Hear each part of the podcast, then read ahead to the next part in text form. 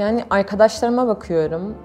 Mesela birlikte büyüdüğüm bir arkadaşım evlendi ve bir çocuğu var. Hep daha iyisini isteyip en iyisine varamamak. Yetersiz hissediyorum. Aslında bu hep olan bir şeydi. Ben sanırım insanların düşüncelerini fazla önemseyen biriyim. Merhaba sevgili Satoshi takipçileri. Her hafta yayınlanan Nasıl Hissettim programının yeni bölümüne hoş geldiniz. Ben klinik psikolog Barış Gürkaş. Her hafta Satoshi TV YouTube kanalında ve Satoshi Radyo podcastleriyle sizlerle olmaya devam ediyoruz. Nasıl Hissettim programımızın bu bölümünde kendimizi yetersiz hissettiğimiz anlara gideceğiz. Bu zamanlarda ortaya çıkan duygularımızla nasıl başa çıkacağımız hakkında biraz konuşacağız. Günlük yaşamımızda hepimiz bir şeylerle uğraşıyoruz malum. Güzel başarılar elde ettiğimiz zaman hissettiklerimizi tarif edecek kelimeler dahi bulamadığımız anlar oluyor. Kendimizle gurur duyuyoruz aslına bakarsanız. Etrafımızdaki insanlar da buna dair şeyler duymak, övgüler duymak, sözler duymak özgüvenimizi daha da arttırıyor. Kendimizi daha çok kanıtlamak istiyoruz hatta belki de. Fakat tam tersi olduğunda neler hissettiğimizi az çok tahmin ediyorsunuzdur. Yani etrafımızda bu tarz insanlar olmadığında ya da tam tersi davranışlar sergilediğinde, daha yerdiklerinde neler hissediyoruz tahmin ediyorsunuzdur. Örneğin çok çalıştığın bir sınavda beklediğin notu alamayınca hayal kırıklığına uğradığına eminim. Ya da çok iyi hazırlandığın bir işi bağlayamadığında içindeki o hisleri anlamaya çalışıyorum. Özellikle kendimizi başkalarıyla kıyasladığımız anlarda bu duygular daha ağır basmaya başlıyor. Bir başkasının bizden daha iyi bir pozisyonda olduğunu düşünün. Kendimizi başarısız, yetersiz hissedebiliyoruz böyle durumlarda maalesef. Halbuki o bizim en sevdiğimiz insanlardan biri olmasına rağmen. Aklımıza hemen kendimizle ilgili negatif düşünceler gelmeye başlıyor. Canımız sıkılıyor. Bir anda tüm başarılarımızı unutuyoruz. Fakat bu hislerin hayatımızın normal akışını etkilememesi oldukça önemli. Böyle hissettiğimiz anlarda kendimize neleri hatırlatmamız gerek biraz bunlardan bahsedeceğiz. Bu sebeple bu bölümde kendimizi yetersiz hissettiğimiz anlarda bu durumda nasıl başa çıkabileceğimize dair biraz konuşmak istiyorum. Bugün sizlerle yeni bir hikaye paylaşacağız. Bu hikayemizin kahramanı Ezgi. Ezgi son zamanlarda nasıl olsa başaramayacağım, yapamayacağım diyerek kendisini birçok şeyden soyutlamış durumda. Gelin şimdi Ezgi'nin hikayesine biraz daha yakından bakalım. Evet Ezgi hoş geldin. Hoş buldum. Seni buraya getiren şey nedir? Yetemiyorum. Yani yetersiz hissediyorum. Aslında bu hep olan bir şeydi. Ama hmm. yüzleştikçe bunu kanıksamaya başladığımı fark ettim. Yetememek tam olarak nasıl bir şey? Biraz açar mısın? Yani şöyle hep daha iyisini isteyip en iyisine varamamak. Hmm, hep daha iyisini istemek. Neyin daha iyisini istemek mesela? Her şeyin. Her şeyin. Yani işteki başarı olabilir. Kurduğum ilişkilerdeki davranış şeklim olabilir. Hmm. Kendimi son yaşadığım durumlarda bununla ilgili eksik görüyorum. Son dönemde bununla ilgili yaşadığın neler var mesela? Mesela işimde yaşadığım yanlış uygulamalar. Yani bu aslında herkesin başına gelebilecek şeyler. Ama birinin seni yargılaması ya da sana bakıyor olması, bu yaptığın hmm. yanlışı daha çok hissettiriyor olması sanki benden kaynaklı bir durummuş. Yani benim beceriksizliğimden kaynaklıymış hmm. gibi. Yani birileri sanki sana sırf baktığı için bile Evet. Orada bir yetersizlik hissin daha da artıyor. Evet çünkü biri beni izlediğinde daha mükemmel yapmam gerekiyormuş gibi geliyor. Yapmazsan mükemmel ne olur acaba? Daha iyi yapma isteği, daha fazlası olma isteği herkes için tanıdık olmalı. Fakat Ezgi bunun biraz daha ötesinde. Daha iyi olmanın ötesine geçtikçe aslında daha mükemmel olmalıyım. Daha standartları belirlenmemiş, uçsuz bucaksız bir sonsuzun içinde ulaşmaya çalıştığı bir nokta gibi sanki gittiği yer ve sürekli dışarıdan gözlemlenen bir hal mevcut. Hal böyle olunca sürekli kendini zorlayan, ulaşılamaz hedefler koyan bir çalışma modeli ortaya çıkıyor. Bir, bir varoluş modeli ortaya çıkıyor. Hal böyle olunca tabii ki de bu iş hayatını etkilemeye başlıyor, mutluluk seviyesini etkilemeye başlıyor, ilişkilerini bozmaya başlıyor. Belki sosyal ilişkilerini bile bozmaya başlayan bir hal alıyor. İşte bu noktada müdahale edilmesi gereken bir hal gibi duruyor bu durum.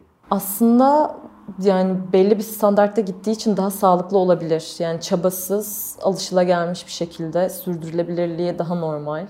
Ama ben zorladığım için tersine gidiyormuş gibi. Ama bu benim istencimin dışında birilerinin dayatmasıyla gerçekleşiyormuş gibi de hissettiriyor. Yani doğru mu anlıyorum? İşini yapıyorsun. Aslında normal günlük rutininde yapıyorsun. Yapılması gerektiği gibi yapıyorsun. Fakat birileri seni izledikçe, gözlemledikçe daha da mükemmel yapmalıyım şeklinde kendinde daha fazla sorumluluk hissetmeye başlıyorsun. Evet yani kendim memnun oluyorum belki belli bir seviyede ama sürekli başkalarını da memnun etmem gerekiyormuş gibi. Yani benim gözümde yüzde yüz ama o bunu nasıl algılıyor? Başkalarını da memnun etmeye çalışmak. Bu sana mesela daha geçmişinden tanıdık bir tutum mu? Geçmişte başkalarını da memnun etmeye çalışarak belki okula gitmek, çalışmak. Yani aslında çocukluğumu düşündüğümde ilkokul zamanlarımda bile hep iyi bir öğrenciydim. Ama bununla ilgili çok fazla takdir görmüyordum. Çünkü zaten kendim için yapıyor gibiydim başlangıç olarak. Sonrasında bununla ilgili takdir görmedikçe daha fazlasını istemeye başladım. Ama bu takdir bekleme isteğim bana farklı bir geri dönüş Mesela oldu. ilkokulda takdir görmek senin için neydi? Yani belki daha çok sevileceğimi düşünüyor olabilirim. Ne olursa daha çok sevilirdin. Yani bir sınavdan 100 almakla ailemin gözünde yani çizeceğim profil farklılaşacakmış gibi geliyordu. Ailenin gözünde yüz alırsan ne olurdu mesela ne yaparlardı? Yani başarımın takdir edilmesini bekliyordum aslında belki de. Yani o yüzden hep böyle en maksimum seviyeye ulaşmayı hedefliyordum. Peki, bir Fark soru. edilmek istiyor olabilirim. Bir soru. Yüz almazsan ne olurdu aslında? Yani yüz almamak mı? Annem zaten biraz dominant bir karakterdi. Ve normalde de elde ettiğim başarıdan tatmin olmuyordu. Onun için eksilen her puan gözünde değerimin düşmesi gibiydi. Ya Bana öyle hissettiriyordu. 100 üzerinden 100 puanlık insan olmak için sürekli çabalamak. Bir düşünün. Hayatınızı nasıl etkilerdi bu durum? Çocukluğunuzdan beri sürekli 100 puanlık insan olmaya çalışıyorsunuz. Bu sizin kavramsal benliğinizi etkilemeye başlıyor aslında. Öğretmeniniz bir şekilde sizin 100 puanlık olmanızı istiyor. 100 puanlık işler ortaya koymaya çalışıyorsunuz. En iyilerden biri olmaya çalışıyorsunuz ama o 100 puan bir süre sonra kriter olmaktan çıkıyor. Bir sınav değil ki hayat. 100, 100 puanı yapayım ve devam edeyim. 100 puanlık soruları cevaplayayım ve yapıp yapayım şeklinde ilerlemiyor sonraki hayat. Ve böyle puanlamalar yok. Hal böyle olunca bu kavramsal benlik iyi bir ebeveyn olmak, iyi bir anne olmak, iyi bir eş olmak, iyi bir çalışan olmak şeklinde 100 puanlık anne, ebeveyn olmaya doğru evrilmeye başlıyor. Ve tam bir ölçütü olmamasına rağmen sürekli kendisine böyle baskı yapan bir insan olduğunuzu düşünün. Bu kavramsal benlik de bir süre sonra size işkence etmeye çalışıyor tabii ki de. Hem iş yaparken hem eş olurken hem arkadaş olurken sürekli birinin size 100 puan verdiğini düşünün. 100 puanlık çocuk olmak, 100 puanlık eş olmak, 100 puanlık çalışan olmak şeklinde sürekli gözlemlendiğinizi düşünün. Sürekli gözlüyor birileri sizi ve puan veriyormuş hissi. Bu size nasıl hissettirirdi bir düşünün. Yani dominant bir annem vardı diyorsun ve her düşük aldığım sanki senin değerinle ilgili bir şeymiş gibi. Evet. Aranızdaki ilişkiyle ilgili bir O şeymiş gibi. sayılar sanki beni ifade ediyormuş gibi. Onun bana olan ilgisini, sevgisini. Yani o, o zamanki o küçük kız çocuğunun sevilmek için daha yüksek almalıyım. Değer görmek için, annemin beni sevmesi için daha yüksek almalıyım çabası aslında bugünlere de sana tanıdık. Doğru mu anlıyorum? Evet, yani iş hayatımda da böyle. Üniversite yıllarımda da böyleydi. Hep böyle bir yarış halinde gibiydim ama kendimle. Peki sizce Ezgi'nin ebeveynleri Ezgi'nin kötülüğünü mü istiyordu? Hiç sanmıyorum. Hatta başkalarından daha ilgili, daha üstüne titreyen bir aile bile olabilir. Fakat öğrenme biçimi, öğretme biçimi onun böyle bir ebeveyn modeli ortaya çıkarmasına sebep olmuş. Ve bunu doğru sandığı için bu şekilde yorumlarla daha iyisi, daha eni, daha mükemmeli olması için kendince bir yöntem bulmuş. Fakat gördüğünüz gibi bu ezgiyi pek de iyi etkilememiş. Dolayısıyla biz bunu fark edip bir yarışçı yetiştirmediğimizi, bir insan yetiştirdiğimizi ve insanın ihtiyaçları, duygusal ihtiyaçları olduğunu fark etmemiz bir ebeveynlik rolümüz gibi, bir ebeveynlik sorumluluğumuz gibi diyebilirim.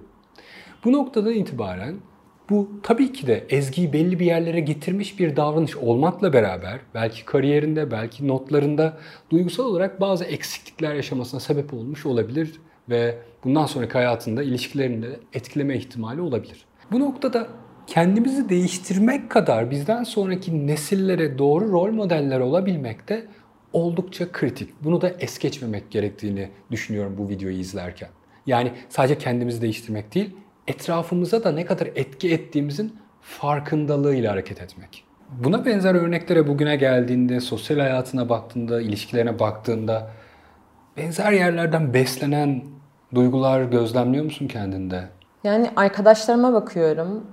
Mesela birlikte büyüdüğüm bir arkadaşım evlendi ve bir çocuğu var. Normal aslında yani normalle uygun bir hayatı var. Hala mesela bununla ilgili annemin kıyaslamasını duyuyorum ve buna verecek pek de cevabım olmuyor. Yani yine bu benimle ilgili bir durummuş ve o iyi bir noktadaymış. Benim yaşantım sanki alışılagelmişin dışındaymış gibi hissediyorum. Tıpkı yüz alamadığında verecek cevabın olmaması gibi. Doğru Evet. mu anlıyorum? Ve bugün aynı şekilde arkadaşınla kendini kıyaslıyorsun. İşte onun hayatı normal, senin tabirinle normalmiş gibi e, geliyor sana. Bu sefer ben anormalim şeklinde bir his beliriyor olmalı içinde. Aslında benim isteğim de bu değil. Bunun da farkındayım. Ama kendi isteğimle hareket ettiğimdeki sonuçla yani sanki o normale uymam gerekiyormuş gibi geliyor. Eskiden çok iyi hatırlıyorum. Bizler kendimizi sıra arkadaşlarımızla kıyaslardık, komşunun çocuğuyla kıyaslardık. Çünkü ulaşabildiğimiz çevre hep etrafımızda gördüğümüz insanlardı. Dolayısıyla ebeveynlerimiz de bizi en fazla komşumuzla, sınıf arkadaşımızla kıyaslardı. O şöyle not almış, sen almadın. O şurayı kazanmış, sen kazanmadın gibi. Fakat bugün geldiğimiz noktada kendimizi kıyaslayabileceğimiz o kadar büyük bir deniz var ki sosyal medya sebebiyle ve her dakika kıyasladığımız, her dakika dikizleyerek kendimizi eksik hissedebildiğimiz öyle bir mecra var ki her 15 dakikada bir bakarak kendimizi onlardan eksikmiş gibi hissetmeye başlıyoruz. Bu eksiklik hissi pekiştikçe daha da bizi içeri çeken, daha da aşağı çeken bir hale almaya başlıyor. Ezgi'nin yaşadığı da belki başlarda kendisini arkadaşıyla kıyaslamakken sosyal mecralarda kendisini daha fazla kıyasladıkça, daha fazla orada zaman geçirdikçe genel bir kitleye karşı kendisini eksik hissetme ihtimali artmaya başlıyor. Ki hepimiz bunu bu noktada herhalde kendi hayatlarımızda gözlemliyoruzdur. Bu sebeple sosyal me- mecraların düzenli kullanımı bile, sosyal mecraların sağlıklı kullanımı bile bir önem kazanmaya başlıyor. Ne kullandığın, hangi mecrayı kullandığın, ne şekilde baktığın aslında senin oraya bakarken kendini iyi hissetmene ya da kötü hissetmene sebep olabilecek mecralar olarak karşımıza çıkıyor. Doğru sosyal medya kullanımı bu histen kurtulmak için oldukça kritik. Bunun özellikle altını çizmek isterim. Aslında benim isteğim de bu değil. Belki de isteğimi bulmaya ihtiyacım var. Evet. Aslında son zamanlarda bu yetersizlik hissimi arttıran şöyle de bir durum var. İşimle ilgili yani işimde yaşadığım yetersizlik hissini başkalarıyla kıyasladığımda insanların aynı meslek grubundan olan çevremdeki kişilerin de ya da diğerlerinde sosyal medyada gördüğümde kimisinin kendine ayırabildiği çok vakti var, işinde belli bir yere gelmiş ve mutlu ve yeterli benim gözümde. Yani belli bir yere gelmiş, mutlu, yeterli e, ne demek tam olarak? Sanırım hem bir şeylerin düzenli gözükmesi hem de belki de sosyal medyanın aldatıcılığı diye düşünüyorum. Çünkü orada Hmm, biraz daha insanların yansıttıkları profillerin sanki özgüvenle ve bu yeterlilik hissiyle bir ilgisi varmış gibi gelir bana hep. Fakat tam tersini düşünüyorsun. Evet ama uygulamakta bununla ilgili zorluk yaşıyorum. Yani nasıl hissettiriyor o ekrana bakarken kendine? Ya nasıl hissediyorsun? Şöyle bir düşün. Arkadaşlarını açmışsın önünde ve inceliyorsun hayatlarını. Evlenmiş ya da iyi bir işi var ya da başka bir şey. Neyse o tam olan. Yetişmeye çalışıyorum gibi ya da belki bir şeyleri taklit ediyorum. Öyle olmaya çalışıyorum ama e, olabileceğimi de bir yandan pek düşünmüyorum. Şöyle bir bakıyorum hayatına. Okul zamanlarında çok başarılı bir öğrencilik hayatın olmuş. Belli ki. Bugün uzaktan baktığımızda öyle bir şey görüyorum en azından. Sonra bakıyoruz bu yaşında belli bir yere gelmişsin, okulunu bitirmişsin, belli bir kariyerin olmuş. Fakat bugün yine kafanı başka bir yere çevirdiğinde bu sefer yine oradan bir eksiklik çıkıyor. Tekrardan ben yeterli değil miyim? Acaba ben 98 aldım 100 mü almalıydım ya da 100 aldım daha fazla alabilir miyim gibi benzer hislerin, düşüncelerin belirdiğini gözlemliyorum hayatında. Doğru çünkü çok fazla etken var bence. Yani ben sanırım insanların düşüncelerini fazla önemseyen biriyim. Bu belki eskiden gelen bir şeydir. Annemde olduğu gibi. Yani ilişkilerimde işte hep mutlu olmam gerekiyor. Yani işimde hep en iyisini, hata payım yok. Ama olabilir. Yani herkes gibi. Zihin bir şekilde bizi bir adım öteye götürmeye çalışırken, bir şekilde üstesinden gelmeye çalışırken problemlerin, sorunların farkında olmadan da tuzaklara düşer. Bu tuzaklar genellikle geçmişimizde işlevsel olan bazı durumların, bazı duyguların, bazı olayların hala günümüzde aynı formülle çözülmeye çalışmasından kaynaklanır. Geçmişte 100 puan almak oldukça işlevsel olmuş. Fakat bugün 100 puan beklemek işlevsel olmayacak. Çünkü sana birileri 100 puan vermeyebilir. Sana 100 puan aldın demeyebilirler. Biz bu noktada kendi içsel referans noktamızı almalıyız. Bizim kendi değerlerimize özgü, kendi değer yargılarımızla hareket ettiğimiz iş yapış biçimlerimiz, ilişki kurma biçimlerimiz, aile kurma biçimlerimiz olacaktır. Dolayısıyla her bir noktada bir puanlama sistemine gitmek ister istemez bir yerlerde eksiklik hissinin ortaya çıkmasına sebep olur. Eksiklik hissi zaten içimizde olan bir his. Fakat kıyaslamayla daha da köpüren, bizi daha da ele geçiren bir his. Bu eksiklik halini devre dışı bırakabilmek için başkalarıyla kendimizi sürekli kıyaslamıyor olmamız gerekir. Kıyaslamak eksikliği çıkaracağı için o kişiyi rakibim değil, yol arkadaşım olarak konumlandırmam gerekiyor. İçsel referansımı aldım, kendimle kıyaslamadan karşımdaki insanı yanıma oturttum ve değerlerimle hareket etmeye başladım. İşte tam burada huzur ve denge bir arada olacak. Peki bugünkü sana bir dilekte bulunacak olsaydın kendi adına şöyle bir hayat yaşamalı, şöyle bir hayatı olmalı, şöyle düşünmeli. Bu düşünme biçimi nasıl olurdu kendine dair söyleyeceğin? Öncelikle yani kendimi daha çok sevmeliyim diye düşünüyorum. Çünkü kendimi sevdiğimde ancak çevreme de hı hı. öyle bir duyguyu geçirebilirim ve belki daha başarılı olur. Belki başarılı olmadığım halde kendimi sevdiğim için yet yani kendimi yeterli bulabilirim. Kendimi seviyorum çünkü çünkü kendimi sevmek için birçok nedenim var. Başardıklarım ortada, geldiğim nokta ortada. Böyle düşününce nasıl hissediyorsun kendini? Böyle düşününce rahatlıyorum Rahatlama ama bu geliyor. geçici bir duyguymuş gibi geliyor. Evet. Çünkü hep böyle düşünmek için biri beni uyarmıyor. Yani Hı. ya da bunu böyle tavsiyelerde evet. bulunmuyor. Ama Bunlar sürekli... çok otomatik geliyor çünkü diğerleri. Evet. Şimdi şöyle bir şey. Ben yetersizimden süzülen duygun, ben başaramadım, arkadaşlarım önde, ben bir türlü onlara yetişemedimden süzülen duyguya baktığımızda bir şekilde endişe, kaygı olduğunu görüyorum. Ben sevilmeye değerim dediğinde, ben yeterliyim, tamım dediğinde süzülen duygunu sorduğumda sana bu sefer huzur, daha hmm, denge görüyorum sende. O zaman buradaki iki düşünme biçimi senin ruh halini ve tüm davranışlarını şekillendiriyor diyebiliriz. Biz bunu hatta düşüncelerin, duyguların ABC'si diye adlandırırız psikolojide. Ve bu düşünme biçimlerimiz de çocukluğumuzdan inşa edilen düşünme biçimleridir. Sen diyorsun ya otomatik olarak geliyor bu. Biri beni uyarmıyor diyorsun. O zaman bu taraftakini biraz daha kendi kendine şekillendirmek, kendini hatırlatmak kendini daha dengede duyguların ortaya çıkmasını sağlayabilir ve daha tam hissedebilirsin. Doğru mu anlıyorum? Evet. Gördüğünüz gibi dostlar, düşünceleri değiştirmeye başladığınızda ruh haliniz değişmeye başlıyor. Hayata bakışınızı değiştirmeye başladığınızda, yorum, yorumunuzu değiştirmeye başladığınızda nasıl hissettiğiniz değişmeye başlıyor. Tabii ki de bu hissiyatın değişmesi tüm vücudun e, dengesinin değişmesini sağlar ve dolayısıyla ona göre davranmaya, ona göre yaşamaya başlarım. Dolayısıyla bir gözlemleyebilmek, bir içgörüye sahip olmak, ne düşünüyorum, şu an nasıl hissediyorum, bunlar bana nelere sebep oluyor söyleyebilmek bunun ön koşullarından biri gibi duruyor. Bu sebeple siz de şayet bu düşüncelerde kayboluyorsanız, bu duygularda kayboluyorsanız, bunları üzerine düşünmek, sevdiklerinizle konuşmak, belki üzerine yazıp çizmek bile bunları biraz daha önünüze koymanızı sağlayabilir.